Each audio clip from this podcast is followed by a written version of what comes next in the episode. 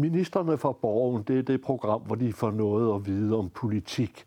Her på DK4 har vi samtlige regeringens 22 ministre i studiet på skift, og i dag er det børne- og socialminister Maj Mercado, der skal fortælle om de to ender i livet, begyndelsen og slutningen. Der er ikke så meget for os midt imellem, og dog, vi skal lige runde krølle.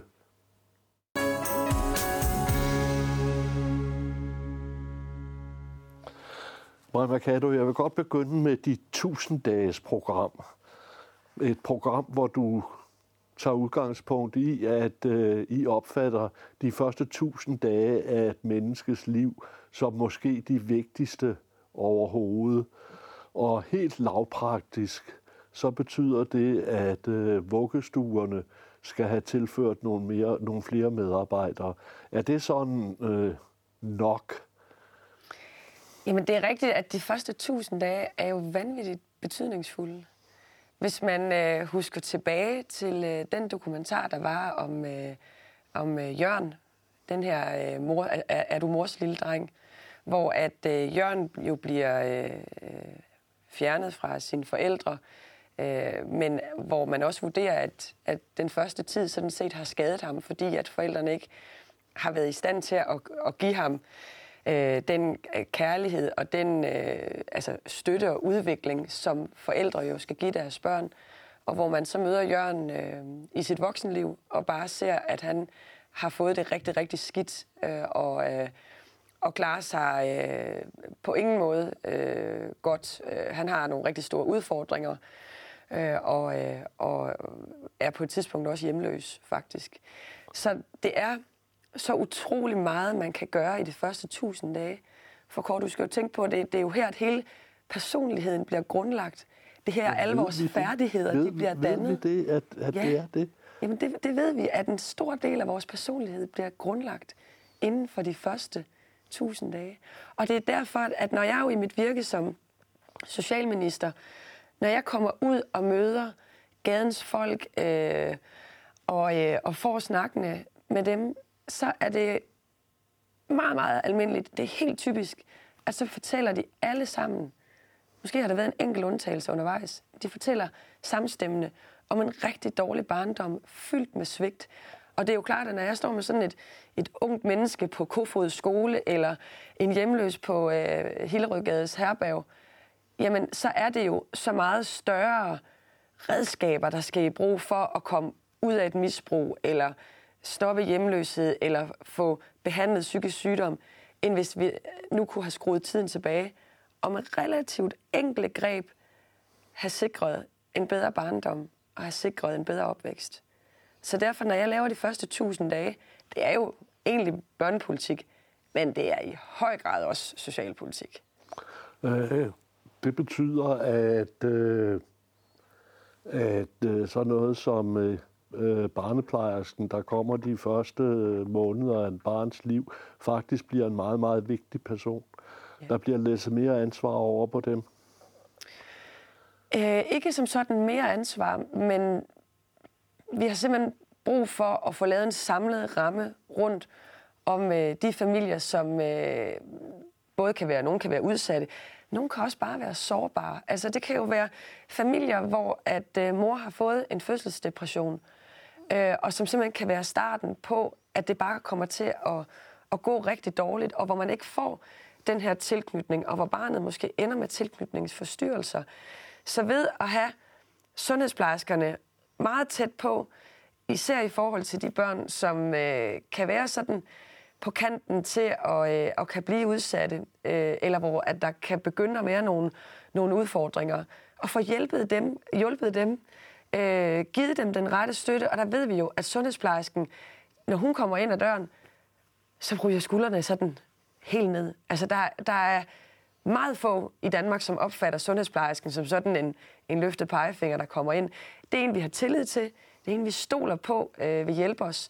Så det at få dem ind øh, med flere besøg, så man får fuldt op øh, i højere grad, får hjulpet de familier, det får en stor betydning. Og så er det altså også det frivillige. Fordi der er rigtig mange af de familier, som er udsatte, de bryder sig sådan set ikke om, at kommunen kommer på besøg. De har ikke særlig gode erfaringer med kommunen, men de kan rigtig godt lide, hvis der kommer de frivillige foreninger kommer på besøg.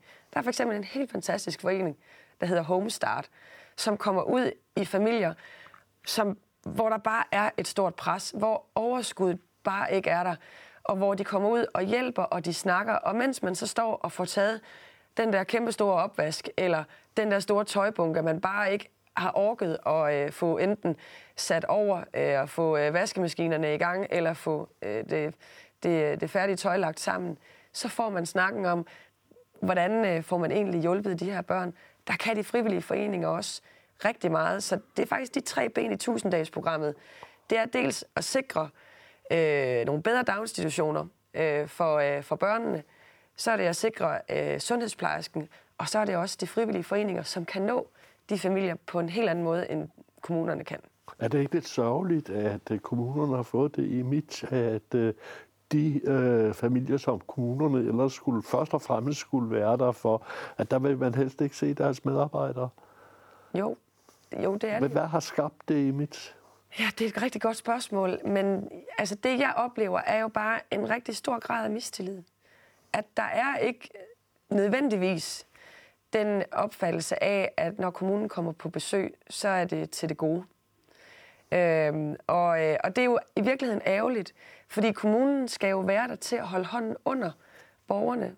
Det er jo helt øh, legitimt og øh, i orden at række hånden ud som familie og sige, vi har bare nogle problemer her. Øh, og, og der skal man jo ikke være bekymret for, at kommunen så ikke vil en det godt, men hvis man oplever, at den dialog, man har haft måske øh, tidligere med kommunen, at den ikke har været god, eller den har været præget af mistillid, så kan man godt blive lidt på vagt. Er det fordi, øh. I, har, er det fordi I med hele det her, som man kalder New Public Management-systemet, har druknet kommunerne i byråkrati og indberetning, og hvis du ikke gør, som vi siger, så bliver du på en eller anden måde straffet? Nej, jeg, jeg, jeg tror ikke lige, det er New Public Management, som, som gør sig gældende øh, her. Det er mere, hvis... Altså, at hvis man tidligere har haft en kontakt med det kommunale system, og man ikke føler eller oplever, at kommunen faktisk er der for en, så kan der godt opstå den her mistillid. Og i stedet for bare at gøre ingenting, og så sige, jamen, kommunen er der ikke så god en dialog med, så gør man ikke rigtig noget, så har vi faktisk mulighed for, at de frivillige foreninger kan komme ind og få en anden dialog. Altså, hvad jeg ikke har mødt af mennesker, som siger, jeg, jeg, jeg bryder mig ikke om, om den tilgang, kommunen har, men da der så kom nogen fra det frivillige foreningsliv, og det kan være Homestart, det kan også være Møderhjælpen, det kan være Red Barnet, det kan være mange forskellige rigtig gode organisationer. Men det, at når, når de så kommer ind i deres liv, så ryger skuldrene ned. Hvis... Så er det faktisk i orden at kunne få den hjælp. Øh... Hvis ansvar er det at få rettet op på kommunernes image? Er det øh, Simon Emil Amnesbøl, der skal på banen? Nej, ja, det tror jeg bliver svært øh, for Simon Emil. Jamen, det er jo vores allesammens øh, opgave. Altså, det er jo første gang, øh, for, først og fremmest er det jo, altså, at, at kommunerne, de jo leverer en god service. Det hedder jo også serviceloven. Øh, at, øh, at de møder øh, borgerne, familierne, øh, med en åben tilgang, med tillid, og med det helt klare formål og sigte, at det er at støtte familierne. Og så er det at støtte dem bedst muligt. Men man skal jo også støtte dem. Så, altså, det er jo også sådan, at nogle gange er der jo familier, nu nævnte jeg jo Jørgen lige før, hvor at man bare må erkende, at selvom der er al den kærlighed i verden, så har de ikke forældreevnen. Og derfor er det også nødvendigt, at nogle børn bliver anbragt. Og det skal jo selvfølgelig gøres på så skånsomt øh, en, en måde, man overhovedet kan gøre, og af respekt for forældrene, og inddragelse af forældrene der, hvor man altså øh, kan have øh, en god og en positiv inddragelse. Øh, har... Så, så det, det følger jo med sådan øh, undervejs også. Du har fået bevilget 500 pædagogstillinger ekstra. Øh, det svarer til, at øh, der kommer en pædagog mere i hver syvende vuggestue. Øh, det er ikke meget. Det er det, når, når det bliver prioriteret rigtigt. Og det er jo lige præcis det, vi faktisk gør med det her. Tidligere så har man jo prioriteret øh, det gjorde man jo under den forrige regering, så prioriterede man jo øh, 500 millioner øh, fast, men det var over det, der hedder bloktilskuddet. Og det betød, at det var jo bare noget, der gik ud i kommunernes økonomi i øvrigt på et tidspunkt, hvor man faktisk skar kommunernes budgetter, det man jo også kalder minusvækst. Øhm, men det var, altså, så det betød, at det kom aldrig børneområdet til gavn, og man har faktisk efterfølgende ikke kunne måle en effekt eller nogen virkning i nummeringerne, så nummeringerne har faktisk været det samme. Her der prioriterer vi med 1000-dages-programmet 500 ekstra pædagoger, men det ligger sig jo i forlængelse af det program, som vi jo faktisk udmyndtede sidste år, som hvordan, vi jo kalder dagtilbudsreformen. Hvordan, hvordan kan du være sikker på, at kommunerne ikke siger, at igen sådan bare en bevilling, og så laver, går pengene til badmintonspillerne i idrætshallen? For de kan kun bruges på øh, pædagoger, og de kan kun bruges på pædagoger i de daginstitutioner, som har mange øh, familier, som har problemer og som har udfordringer. Det kan ja, hvor, simpelthen ikke bruges ja. til badmintonspillere eller til andre dele. Nå, så kan de ikke få dem. Så er vi inde ved, ved lige nøjagtigt det punkt. Det er fint nok, at du siger øh, tusinddags program for sårbare familier, men øh, var det egentlig ikke din opgave at sige, at det skulle gælde alle familier? Altså sundhedsplejerskens øh, job bliver, bliver strukket ud til alle familier, og, og, øh, og vuggest, bedre vuggestuepladser til, til alle familier, og ikke bare til sårbare børn. Det er jo vigtigt at gøre det til dem, der har brug for det, altså eksempelvis med sundhedsplejen. Og der er det jo også vigtigt at sige, at der er altså ret stor forskel på familier. Øh, der er også forskel på, om det er barn nummer et. Der er, er det sådan i de fleste kommuner, der tilbyder man lidt flere besøg, end man gør med øh, barn nummer to. Det er også typisk sådan, at, at når man føder, så øh, barn nummer et, der er, øh, er man indlagt øh, i lidt længere tid. Hvorimod, øh, sådan var det i hvert fald, da jeg selv fødte, hvorimod med barn nummer to, jamen der var vi jo ude af hospitalet efter to og en halv time, for der var jo ingen grund til, at vi optog de ressourcer. Og derfor skal man selvfølgelig hele tiden balancere. Så i stedet for bare sådan at give den samme sundhedsplejerske og det samme tilbud, når man føder til alle over en kamp, så er det jo helt fair at differentiere. Og jeg synes jo, det var vigtigt, altså da jeg fødte første gang, synes jeg, det var rigtig rart at have det første døgn, øh, hvor der var sy- altså, sygeplejersker, og hvor man kunne få hjælp til at få amning i gang og det lige. Hvorimod anden gang, jamen der vidste jeg jo godt, hvad det, hvad det var, jeg skulle. Og der var det egentlig bedst for vores familie øh, at komme hjem. Øh, men det kan jo være forskelligt for familier, og man kan have brug for forskellige støtte, så det er vigtigt at se på, hvad er familiernes behov egentlig? I, de, I finansloven, der har du også fået bevilling til at øh, sende 1800 pædagoger, 1400 dagplejere og 300 assistenter på efteruddannelseskursus. Ja. Øh, er det på samme måde, du kan garantere, og det er jo også igen kommunerne, der skal stå for det, er det på samme måde, du kan garantere, at det bliver til noget, altså pengene er, er øremærket til det? Ja, det kan jeg med, med, med meget stor sikkerhed og fasthed i stemmen sige, fordi øh, når vi for eksempel taler om, øh, om, om det, vi kalder sociale normeringer, altså øh, flere pædagoger i de daginstitutioner, som har mange udsatte børn, så lavede vi faktisk det samme, som vi nu afsætter penge til med det her års finanslov. Det lavede vi faktisk for, øh, for to år siden. Og der har vi jo kunne se, hvordan at institutionerne, de altså søger ind, øh, og de søger jo så ind øh, og kan jo kun få pengene udbetalt, hvis det går til ekstra bemanding. Så man kan heller ikke bare øh, have en kommune, som siger, nå ja, det er da fint at få de ekstra pædagogtimer, øh, men så skærer vi bare øh, selv. Den, den, den går ikke, øh, som man siger. Altså, det skal være noget, der kommer oveni, og, øh, og det er jo en ny måde at gøre det på.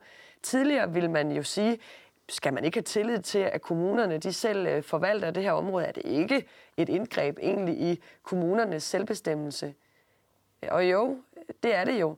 Men vi har jo bare lært af erfaringen, at de penge, som Torning-regeringen jo gav ud, det gik jo til alt muligt andet. Så gik de til snerydning, eller at lappe huller i vejene, eller hvad det nu måtte være, fordi det gik over øh, det almindelige bloktilskud. Og når vi laver det her 1000-dages program, så skal de altså gå direkte ud og give en mærkbar effekt.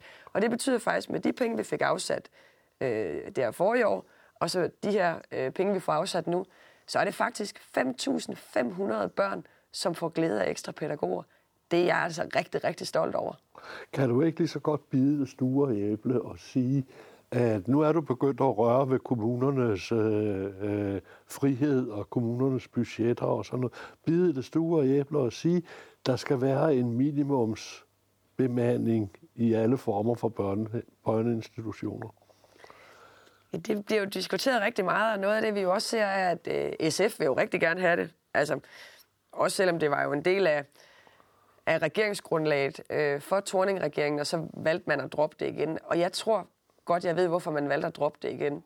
For udover at det er vanvittigt dyrt, det vil en minimumsnummering på det, øh, BUPL anbefaler, vil koste 2 øh, til 2,5 milliard kroner årligt.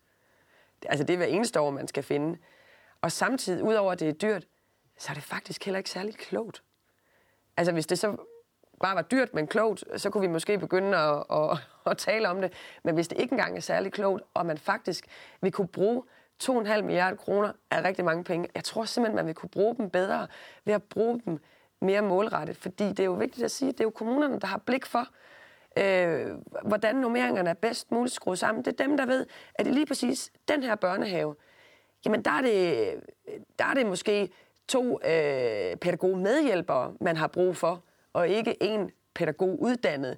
Det kan være, at, øh, at det passer lige til den børnegruppe. Hvorimod over i en anden institution, jamen der er det faktisk altså pædagogen med pædagogens faglighed, uddannelse, som, øh, som er vigtig. Så det at tage øh, den lokale bestemmelse fra øh, kommunerne, det, det er ikke, øh, er, jeg er ikke klar til det på nuværende tidspunkt.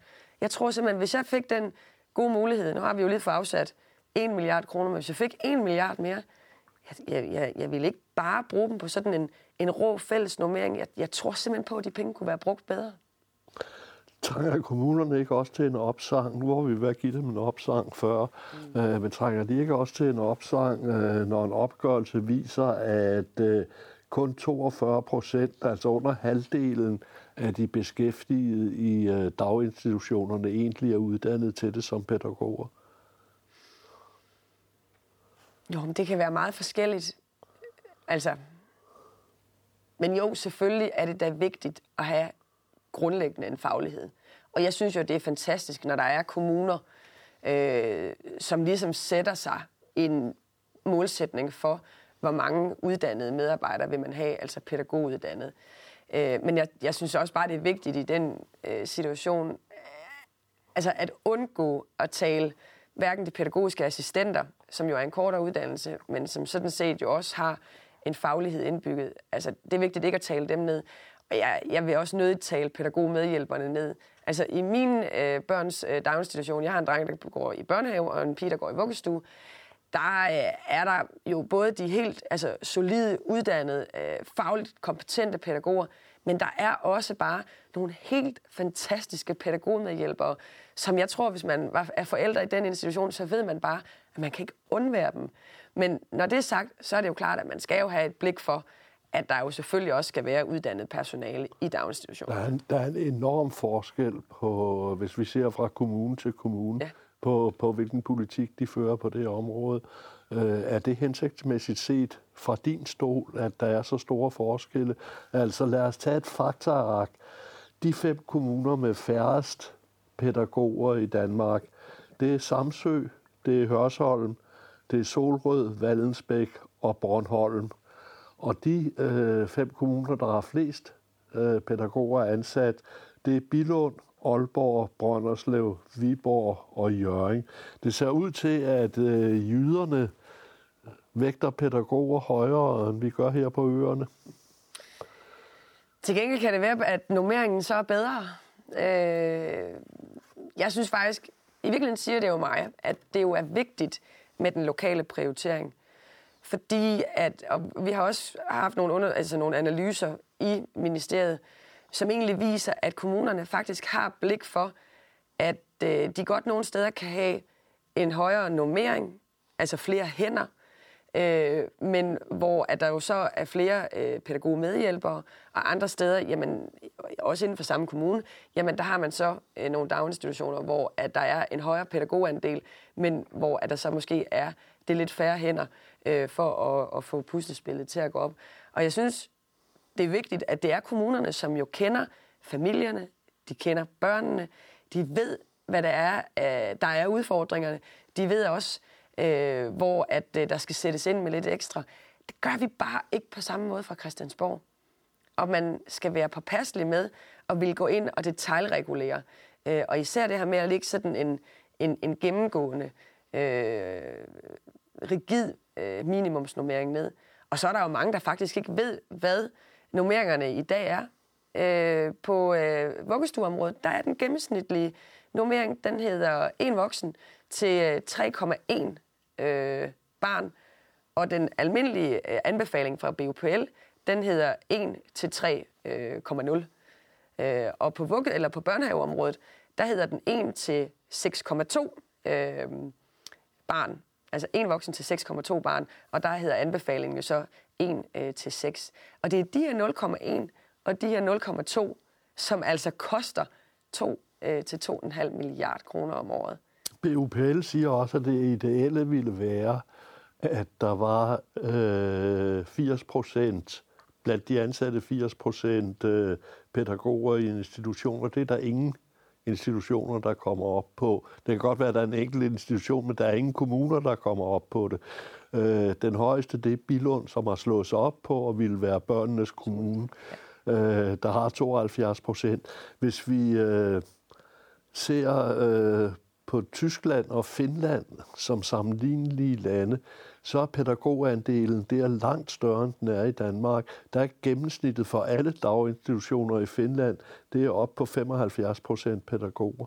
Halter vi bagefter? Der er ikke noget i sammenligningerne med Finland, der siger mig, at vi har dårligere øh, dagtilbud øh, i Danmark. Øh, men altså, det vil jo også undre mig, siger jeg sådan lidt skælmsk, hvis ikke en fagforening klart, skulle sige, klart. at de gerne vil have deres egne de, de medlemmer. Skyder, de skyder over målet, ja, men øh, øh, det men skal jeg synes, de som at, men det, er, men det, der godt kan bekymre mig, er, at børneområdet jo meget sjældent fylder i den kommunale debat. Det fylder heller ikke op til øh, for eksempel kommunalvalgkamp. Og det kunne jo være interessant at få de diskussioner, fordi øh, som skatteborger, øh, som gerne vil have noget ud af sine skattekroner, så, øh, det kan jeg da også bare selv sige som forælder, så vil jeg da også gerne have et øh, kvalitets dagtilbud til mine børn. Og derfor så vil det altså være skønt, hvis øh, dagtilbudsområdet begyndte at fylde noget mere. Vi begynder at se nogle ændringer. Altså, jeg skal bare sige, tidligere, der har der jo nærmest været en forestilling om, at børn blev født som seksårige, for det var kun skolepolitik, der blev diskuteret. Nu er vi faktisk begyndt at få diskussionen Lige præcis fordi man faktisk kan se blandt andet ud af Nobelpristageren James Heckman, hans forskning, som jo viser, at hvis man skal investere i at reducere socialt udsathed, så er det inden for de første øh, år af et barns liv. Og der kommer pengene simpelthen, altså, de er bedre givet ud ved at lave indsatser tidligt, end hvis det er, man laver indsatser sent. Vi skal skifte lidt emne væk fra 1000 dages programmet og omegn. Øh, nogle gange må man spørge sig selv, øh, hvor smålige de kan blive ude i kommunerne. Der er kommuner, 15 i alt er det gjort op til, der er begyndt at kræve penge af anbragte børn, som har et fritidsjob. Kommunerne har lov til det. Øh, det er ikke i strid med serviceloven eller noget som helst. Øh, men øh, hvor smålig kan man blive? Det er så småligt, at det næsten er svært at have ord for. Og det ændrer vi jo heldigvis nu. Og vi har jo faktisk med, øh, med en aftale indgået her i efteråret sikret, at øh, fra næste år af, så kan kommunerne ikke længere øh, opkræve den, øh, hvad kan man sige, løn, som børn øh, og unge, der er anbragte, har tjent ved et fritidsjob. Altså når jeg tænker på, hvor godt det er at have et fritidsjob, vi ved bare, at det er fantastisk på alle parametre. Det giver ansvarlighed. Det giver selvstændighed. Det at tjene sine egne penge, øh, det giver øh, en modenhed. Øh, det giver en, en forståelse, som er rigtig, rigtig vigtig, og som jo også er vigtig. Den er jo vigtig for alle børn, men den er jo også vigtig for anbragte børn. Og så for, altså hvis man så forestiller sig et barn eller en ung, det vil jo nok være de unge, som har fritidsjob, og ikke så meget børnene, men en ung som så har været ude at tjene sine egne penge, stoltheden ved at få den første lønningscheck, og så kommer der at kunne hjælpe med en kommune og siger, nej, du er anbragt, så den betaling vil vi godt lige have, for det skal du selv være med til at betale. Jamen altså, det er jo helt vanvittigt, og det er jo fordi, det er jo nogle regler, der kommer fra mange, mange år tilbage, og formentlig fra et helt andet øh, paradigme, hvor at børn godt kunne være anbragt, og så var de ude at tjene. Øh, og, øh, og, og så var det en helt anden øh, indtægt, man altså talte om. Men der er jo ingen mennesker i 2018, som kan forstå, hvorfor at en kommune og det har heldigvis kun været et fåtal af kommunerne, der har gået ind og har opkrævet den her. Jamen, når, når 15 kommuner alligevel har set det som mulighed for, så betyder det jo også, eller det er et tegn på, at kommuner går ind i alle mulige hjørner for at redde den sidste krone. Har I ikke, har I, er det ikke et udtryk for, at I har været alt, alt, alt for sparsomlige over for kommunerne? Nej, det mener jeg ikke, fordi kommunerne kan jo bare lade være med at sætte en række øh, mærkelige projekter i søen. Altså, jeg mener dybest set som kommune, der skal man altså først og fremmest prioritere kernevelfærd. Og anbragte børn og unges vilkår, det er altså kernevelfærd. Og hvis man tager de, altså, de her kommuner til sammen, fordi nu fjerner vi jo så muligheden for at kunne opkræve den her betaling. Det skal vi jo så kompensere kommunerne for. Det lyder helt tosset, men det skal vi faktisk. Det er jo kun en halv million kroner. Så det har heldigvis været et fortal af kommunerne, der har gjort det. Men det betyder også, at det har jo været peanuts i den enkelte kommune, når det på samlet vis kan være en halv million. Men altså, det er bare, det er moralsk, og jeg forstår simpelthen ikke, hvorfor de kommuner, de har, de har gjort det. Offentliggør du navnene på de kommuner? Øhm, det ved jeg faktisk ikke, om man egentlig godt kan gå ind øh, og finde. Øhm, men altså, det vigtige for mig er jo ikke at hænge kommuner ud. Øh, det vigtige for mig, det er at få sagt, nogle kommuner har haft en praksis, den lukker vi ned for nu. Dermed bliver det sådan, at fremover, der kommer man altså ikke til at kunne tage anbragte unges øh, indtjening for fritidsjob øh, til at kunne, kunne tage dem fra de anbragte. I dit, I dit lovkatalog, når nu vi bliver ved det område, så i dit lovkatalog, der har du et forslag til, til det, der skal gennemføres i det her folketingsår, hvor du vil sikre mere kvalitet i plejehjems, øh, plejefamilieanbringelserne. Øh, og, og ret meget mere står der ikke i selve lovkataloget. Hvad går det ud på at sikre mere kvalitet? Er det mere kontrol, eller, øh, eller skal man øh, bestå en eller anden form for prøve, eksamen for at blive, øh, for at blive plejefamilie? Det er faktisk for at skabe mere stabilitet øh, og mere ro, og det lægger sig faktisk i øh, forlængelse af det, vi aftalte sidste år. Øh, med, øh, med socialordførende, som jo handler om, at den første anbringelse skal jo gerne være den rigtige anbringelse. Altså, jeg har jo mødt unge piger, som har fortalt om, at de har været øh, 10, 11, 12 forskellige steder. Og, og prøv, altså, hvis man forestiller sig, hvad det gør ved et barn igen at skulle skifte øh, plejefamilie eller øh, opholdssted, øh, institution, det er altså meget, meget voldsomt. Og det er vigtigt at have blik for, at nogle af de her børn, når de bliver anbragt i en plejefamilie, så har de altså nogle rigtig store problemer og nogle meget, meget svære øh, oplevelser med i bagagen. Der er jo en grund til, at de bliver anbragt. Og derfor så skal, når, når vi gerne vil sikre, at øh, langt flere børn, at den første anbringelse også bliver den rigtige anbringelse, så handler det jo lige præcis om så også at klæde familierne på til det, altså de plejefamilier, som vi har. Derfor så har vi opdelt dem i tre typer. Der er de børn, som bare har brug for en familiemæssig ramme, øh, hvor at øh, de af nogle årsager ikke kan være hos deres familie. Det kan også være, at de ikke har forældre længere. Øh, og så skal være i en familie, som bare tilbyder det at være en familiemæssig ramme. Og så kan der jo være nogle børn, som jo har så store problemer og vanskeligheder, at det er rigtig vigtigt, at familierammen er klædt på til det. Det kan være enten øh, plejemor eller plejefar har en socialpædagogisk uddannelse, eller har øh, noget andet, som, som kan sikre, at der bliver taget hånd øh, om de store problemer, som, øh, som børnene kommer med. Så det er simpelthen set i erkendelse af, at de børn, når de bliver placeret, er så forskellige, at der skal familierne være gearet til det. Jeg har talt med så mange familier, som også siger, vi vidste jo slet ikke, hvad det var, vi stod med. Øh, det var jo nogle problemer, som langt oversteg det, vi kunne som familie. Så det er simpelthen for at sikre det her bedre match i fremtiden. Det er noget af det, vi går ind og... Hvem skal bedømme, hvilke kvalifikationer skal, skal, skal de mennesker be, øh, have, som skal bedømme plejefamilierne, altså dele dem op i de her tre båse, som du snakker om?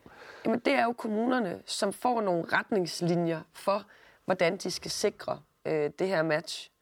Øh, det vil sige, det bliver en kommunal øh, jurist eller sådan noget, eller bliver det, bliver det en psykolog, øh, en psykolog, der skal ind over, eller hvem, hvem har kvalifikationerne til at opdele plejefamilier? Jamen, det vil være en medarbejder, som... Jeg kan ikke se for mig, at det vil blive en, en jurist, øh, men, men, men det vil jo være en, som, som kender området. Altså, vi har jo plejefamiliekonsulenter ude i kommunerne, og de, de er jo øh, meget vidende om plejefamilieområdet i forvejen, og derfor så har de også erfaringen og, og blikket for, hvad er det, øh, barnet øh, har brug for, og hvad er det, man så leder efter i en, i en plejefamilie. Og så giver vi faktisk også en bedre supervision, og vi giver en bedre grunduddannelse til øh, plejefamilierne. Så nu spurgte du, skal de igennem øh, nogle test? Nej, det er jo ikke øh, test, men de skal jo være dygtige nok. Altså, og de plejefamilier, som, eller de familier, som måtte ansøge om at være plejefamilier, som ikke er, altså, er dygtige nok, de skal jo ikke være det. Altså, der skal vi jo stille krav øh, og sikre, at den familiemæssige ramme, som børnene de kommer ind i, at den også øh, er, er god og kan tage hånd øh, om øh, de problemer, børnene kommer med. Vi øh, forlader børnene. Ja. Det er den ene ende, du har fat i. Du har ikke så meget øh, fat i folk, der er på arbejde, men øh, der kommer Lex Krølle ind i billedet. Det var en... Øh, det, det er en lille positiv historie om, hvordan demokrati også kan fungere. Øh, en af dem, der levede på randen af samfundet, Krølle, han fik en idé. Og den fortalte han videre til en gadejurist, øh, som gik til øh, Laura Lindahl fra Liberal Alliance og til Marianne Hjelved fra De Radikale og fortalte om den her idé. Og øh, de to politikere gik så videre til dig, øh, og nu har du skabt en lov, øh, som har fået opbakning fra hele øh, Folketinget, om at øh, sådan en mand på randen af samfundet må tjene op til 20.000 kroner om året, uden at skulle gøre redde for noget som helst. Øh, Loven træder i kraft til nytår, og skal kun vare i to år.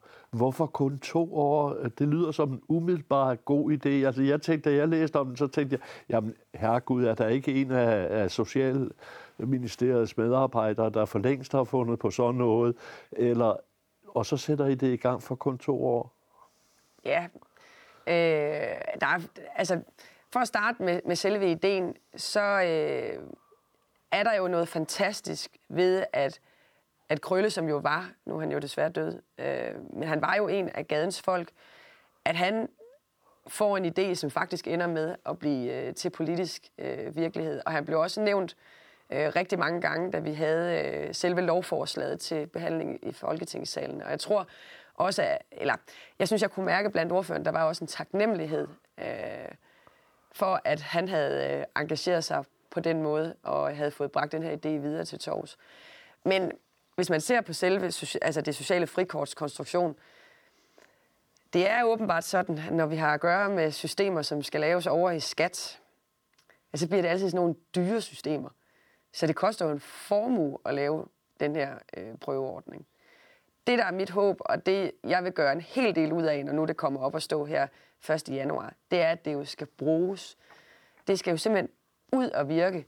Og derfor så vil jeg bruge alle lejligheder, jeg overhovedet har til at tale det, fri, altså det sociale frikort, opfordrer til, uanset om man er en stor virksomhed med rigtig mange ansatte, så har man jo opgaver, man godt kan have brug for at få løst ad hoc. Og det har man også, hvis man er en lille virksomhed. Øh, fejreopgaver, oprydningsopgaver, hvor man samtidig kan tage et rigtig stort socialt ansvar ved at få en af, af, af gadens folk øh, til at kunne, øh, kunne hjælpe med at løse sådan nogle opgaver. Og det har betydning, og det gør, at de føler sig værdsat, de føler sig vældigt, og de føler også, at de kan bruges til noget, og det kan de. De har jo sådan set øh, nogle kompetencer, vi godt øh, kan bruge. Så lige nu er det jo for en toårig periode, men altså, det her har jo haft så stor en opbakning i Folketinget, at lurer mig, om ikke, at der er et fokus på, at øh, hvis øh, det ser ud som om, at det bliver brugt, og at det er godt, at øh, og også øh, altså, at, at vi så øh, får kigget på, om ikke vi kan forlænge det. Er det igen, øh, når du siger, at det er Carsten Lauritsen, der har spændt ben for det indtil nu, er det så igen øh, New Public Management, der øh, alle, hele, hele vores regnearkssamfund øh, der gør, at øh, sådan en fuldstændig banal ting skal være så længe undervejs? Altså, Carsten Lauritsen er jo en flink mand, Han er en flink men det er en, og- en, og, og det, er jo en ham, svær mission. sidder- det er ikke ham, det er en svær mission, han er på. Øh, jo, altså, jeg har da mange gange haft lyst til at, at, at, at blive irriteret over, at det, altså, at det skal være så om, omstændigt. Der er mange ting, der er meget omstændige i dag, hvor at man godt nogle gange lidt kunne sig tilbage til, at det blev mere enkelt, eller at det bare var den sunde fornuft, øh, der rådede. Øh, men altså, øh, nu får vi så et, øh, et system, et system, som er besværligt at administrere. Det er besværligt. Men der har bare været et ønske om at få lavet den her lov, for at få det ud at virke. Øh, og, og nu kommer det øh, her per 1. januar. Jeg, jeg forventer mig virkelig meget af det. Og, øh, og, og, og så må vi jo så se i, øh, i opfølgningen, og også se i opfølgningen, om ikke der er noget, hvor vi kan gøre det bare altså, lidt nemmere. Det er virkelig det er besværligt i dag, det er det altså. Du siger, at øh, du antager, ministeriet antager, at det berører cirka 4.000 personer. Øh, hvad skal der til for, at du, du vil betegne det som en succes? Altså, hvor, hvor, hvor mange... Det fører I vel formentlig, som man fører kontrol med alt muligt andet, hvor mange gange det bliver brugt. Ja, man kan nok ikke øh, forestille sig, at, øh, at, at vi i hvert fald øh, ikke registrerer et eller andet på det. Øhm, jeg vil faktisk være, altså tillade mig egentlig at have et ret åbent sind og være ret large. Og det betyder også, at selvom vi står overfor at have et socialt frikort, som måske ikke har været anvendt ret meget, så kan det jo, altså det kan jo alene skyldes, at folk ikke ved, at det findes. Øh, så øh, jeg tror, der skal meget til. Nu, det er bare mit bud. Jeg tror, der skal meget til, før at man lægger det i graven, eller før at man ikke vil kigge på at, at lave en forlængelse efterfølgende. Simpelthen fordi to år er jo, som du selv siger, altså det er jo ret kort tid. Og der, vi skal jo have virksomhederne i tale, alle som kunne tænkes at gøre brug af, af det sociale frikort, skal jo gerne engageres.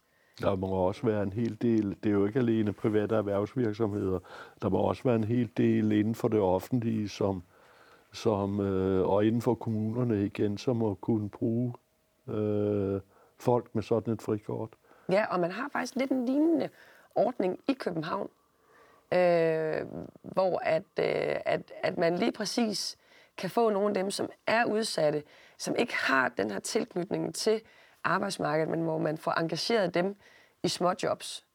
Og det kan altså, hvis man er meget langt væk fra arbejdsmarkedet, så kan det altså være en rigtig god måde at komme tættere på arbejdsmarkedet på.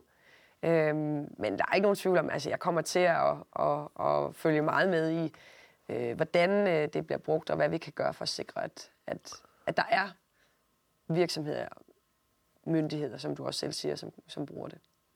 Hvis vi tager finansloven, så får folkepensionisterne et beskedent løft i øh, folkepensionen. Grundbeløbet bliver hævet lidt. Ikke meget, det er småpenge, altså det bliver ikke engang til en pakke cigaretter om måneden. Øh, I hvert fald de første år. Men så er det meningen, at pensionen øh, skal reguleres øh, i takt med lønudviklingen på arbejdsmarkedet fremover. Øh, og satspuljen øh, bliver afskaffet. Og satspuljen, det har været din lille finanslov i finansloven. øh, hvor du har hvor der hvert år er bevilget penge til en masse, først og fremmest forsøgsprojekter inden for det sociale område, som også kun har kørt en 2, 3, 4, 5 år, og så er det meningen, at de der, der har fået pengene, skal, skal kunne klare sig selv. Øh, nu bliver den satspulje afskaffet, og øh, hvad så? Altså projekterne er der vel stadigvæk behov for? Ja, altså, jeg har jo som socialordfører i mange år talt for, at man skal finde en anden måde at finansiere socialpolitik på. Fordi det er jo paradoxalt og i virkeligheden også beskæmmende, at i de år, hvor vi har krise i Danmark, der er der jo en meget lille lønudvikling. Det betyder, at så er der meget få penge, der går over til de svages og de udsattes finanslov. Og det, det virker jo mærkeligt, for det burde det jo være omvendt. Det burde jo være sådan, at i kriseår, når krisen virkelig raser, vi kan se, at der kommer flere udsatte, der er flere, som har det øh, vanskeligt, har det svært, så er det jo der, at man faktisk burde prioritere øh, altså forholdsmæssigt mere end i de år, hvor det bare går godt, og arbejdsmarkedet kører der af. Øh, så jeg, var, jeg bakker varmt op om, at man altså, nu får lavet den her omlægning, således at man ikke længere får tilført altså, nye penge til øh, øh, sats. Øh, og det betyder jo så to ting.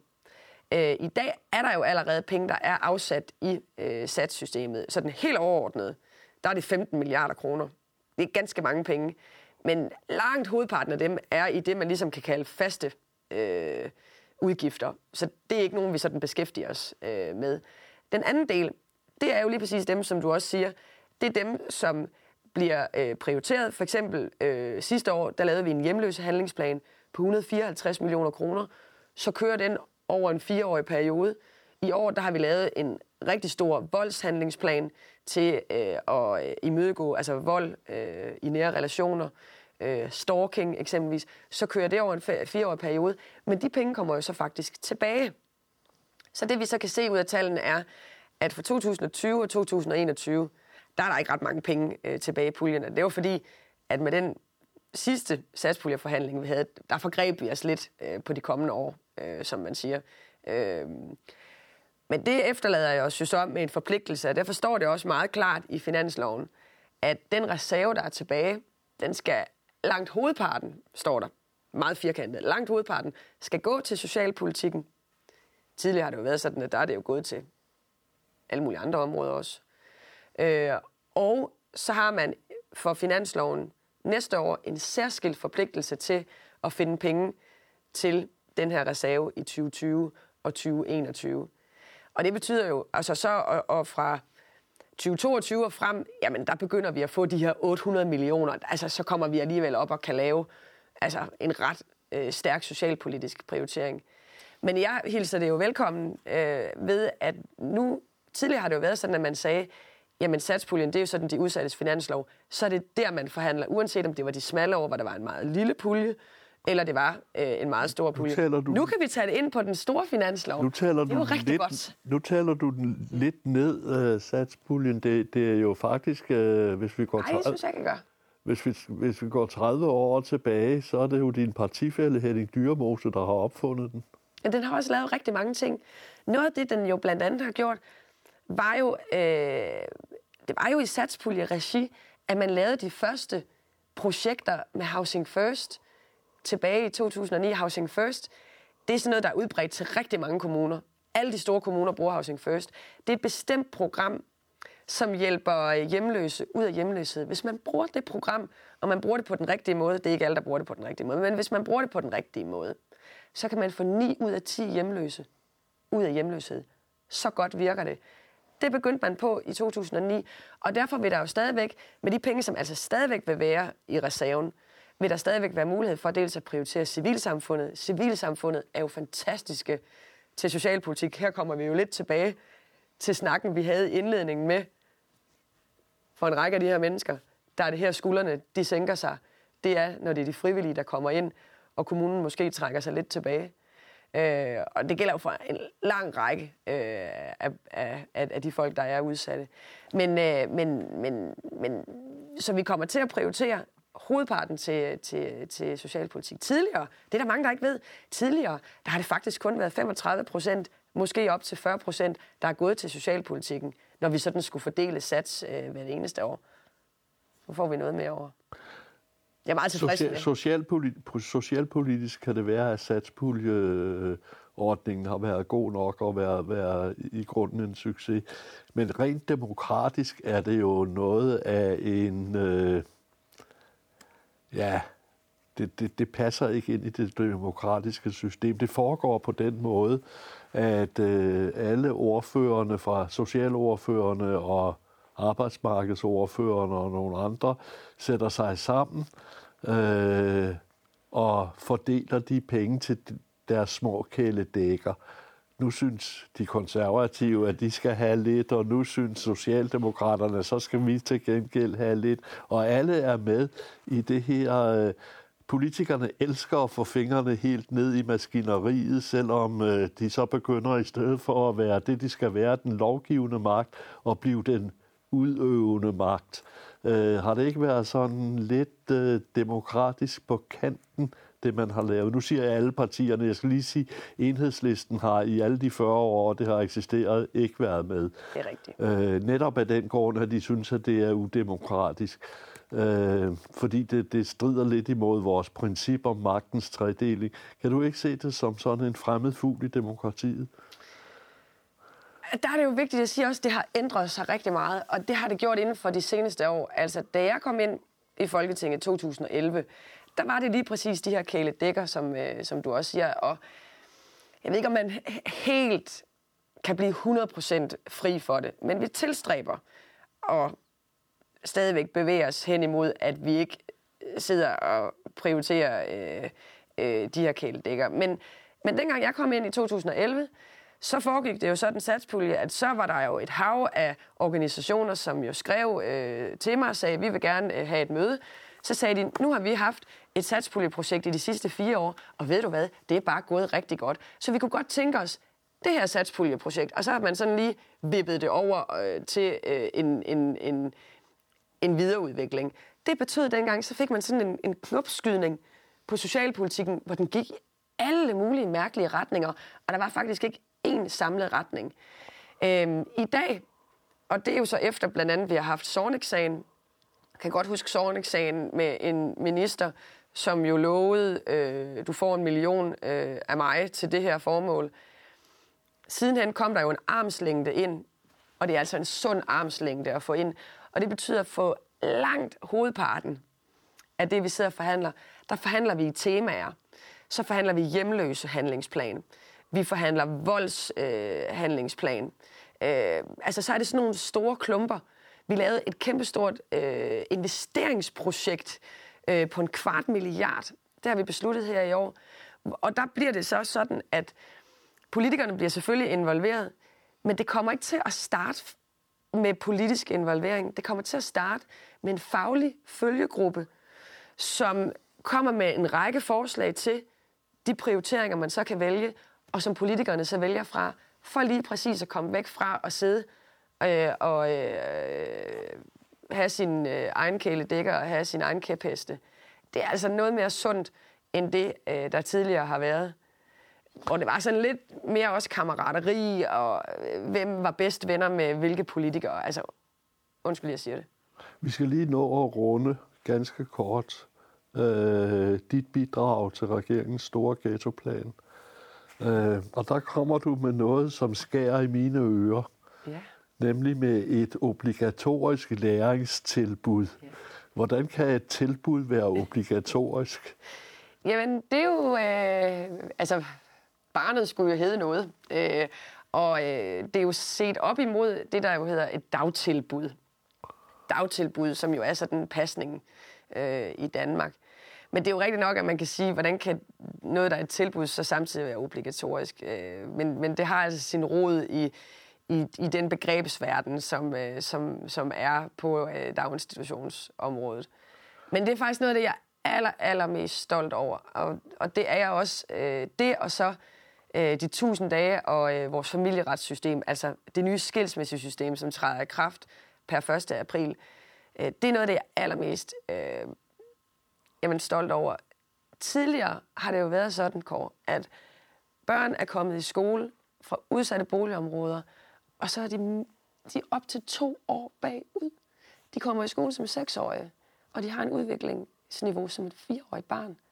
Det kan, og, og de klarer sig dårligt i skolen. De får aldrig indhentet alt det, de mangler. Og noget af det skyldes, at de kommer senere i dagtilbud, og de går for, for længe hjemme øh, sammen med, øh, med familier, hvor der ikke bliver talt dansk, hvor at man ikke får øh, den tilpas øh, interaktion, altså fællesskaber med andre børn, men, men hvor man går hjemme øh, med en enlig mor, en enlig mor, som jo sådan set burde være på arbejdsmarkedet for mange dels vedkommende. Så jeg tror på, at det har en kæmpe betydning, at vi nu siger, at ved at komme i daginstitution, og det er faktisk igen hægtet op på forskning, vi ved fra forskning, at hvis man er i et dagtilbud af høj kvalitet, så har man faktisk, så får man automatisk bedre kort på hånden. Så det er simpelthen ønske om at give bedre kort på hånden, men man kan jo synes, at det er mærkeligt, at en konservativ, som jo typisk hylder familierne, jo gerne ser mere tid med familierne og børnene, som jo i mange år har kæmpet imod institutionalisering, og det gør vi jo stadigvæk. Men for lige præcis de her børn, der vokser op i ghettoområder, i udsatte boligområder, der giver det bare rigtig god mening at komme i daginstitution. Lære sproget, lære den danske kultur, lære de danske værdier at kende, øh, lære de danske fællesskaber, få de sociale kompetencer, der skal til for at kunne starte i skole. Og nu ja, taler jeg også alt for længe, men ej, det er virkelig noget, af, det optager mig så meget. Vi svigter dem i dag. Du siger lære den danske kultur, og øh, Jeppe Jacobsen fra Dansk Folkeparti siger jo lige frem, at man i vuggestuen skal introduceres for danske traditioner her i blandt grundlovsdag. Hvordan vil, du, hvordan vil du lære et barn noget om grundlovsdag, et barn i en vuggestue? Jamen, det er jo klart, og der står også, at man skal lære børnene om demokrati, og det skal jo ikke oversættes til, at man sidder og læser op øh, af grundloven. Men, men når man lærer om demokrati i børnehaven, så er det jo at lære, at alle er, er lige. Når man sidder i en spisepause, så er der ikke nogen børn, altså drengene, der får mad før en pigerne, eller drengene, der får lov til at tale. Så er vi alle ligeværdige. Det er en demokratisk værdi øh, i Danmark og undskyld, jeg siger det, men det er altså bare ikke givet i et parallelsamfund, at kønnene øh, er lige. Så man skal ikke se det her med demokrati, øh, det skal man ikke sådan se som værende sådan noget meget højpandet. At nu skal man sidde og have oplæsning af jyske lov fra... Øh, 1241. Ja, det vidste du lige. øh, så, så er det noget meget lavpraktisk. Men jeg synes, det er, jeg synes, det er vigtigt. Og vi svigter de børn i dag. De, de klarer sig dårligt i skolen. De har ikke den ramme og øh, den understøttelse, der er nødvendig for at kunne starte i skole. De der, det der obligatoriske tilbud, som jeg stadigvæk ja. ikke kan komme Nej. mig over, ja. øh, det skal være på 25 timer om ugen, hverken mere eller mindre, for hvis det bliver mere, så går de i vuggestue, og så skal der betales, og hvis det bliver mindre, så hjælper det ikke noget. Øh, så institutionslederne skal altså til at udstyre børnene med et øh, klippekort og, og en timeberegning og sådan noget lignende. Øh, men der er en ting, der har været diskuteret meget. Skal de her børn, som den her særlige indsats skal gøres overfor, skal de, må de blive blandet med de almindelige børn i børneinstitutionen, eller skal de øh, opbevares særskilt? Nej, der, nej, ikke særskilt. De bliver bare blandet det, der jo er vigtigt, det er, at i de daginstitutioner, hvor at der jo er øh, mange, altså, som, som vil blive omfattet af læringstilbud. Øh, og der er jo nogen, som vælger at sende deres børn i daginstitutionen, fordi de jo øh, er på arbejdsmarkedet, de har brug for et pasningstilbud. Og så er der nogen, som altså vil, vil blive... Tvunget. Ja, altså der er jo ikke nogen, der bliver tvunget. Altså, man kan jo bare blive hjemme, men så får man bare ikke børnecheck. Altså, på den måde er der jo noget ret og pligt. Du får nogle penge, Ja, der... Men så har du også nogle forpligtelser. Der er en pis. Og så, øh, ja, og, ja, det er der. Det, og det synes jeg egentlig er fair nok. Øhm, fordi i, til syvende og sidst er det jo for børnenes øh, egen skyld.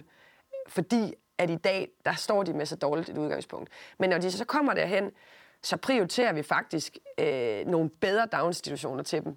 Og det gør, at vi har altså afsat mange millioner kroner til lige præcis at forstærke det læringsindhold, der så faktisk er. Og det vil jo komme alle børn til gode. Øh, og det er jo rigtig positivt. Og så kan der jo sidde nogen og så sige, ah, hvorfor kom det ikke i min børnehave? Øh, men prøv at tænke, hvis der så er nogle forældre, som øh, lige bor uden for øh, sådan en institution, som så siger, jamen det her det er en god institution. Der er noget helt særligt, både pædagogik og læring, og det vil vi egentlig godt have vores børn ind. Så er det jo kun positivt, hvis der er andre, der så søger ind i de daginstitutioner. Så pisken og det obligatoriske læringstilbud, det kan godt have et positivt indhold alligevel. Tak fordi du kom i dag, mig, Mercado.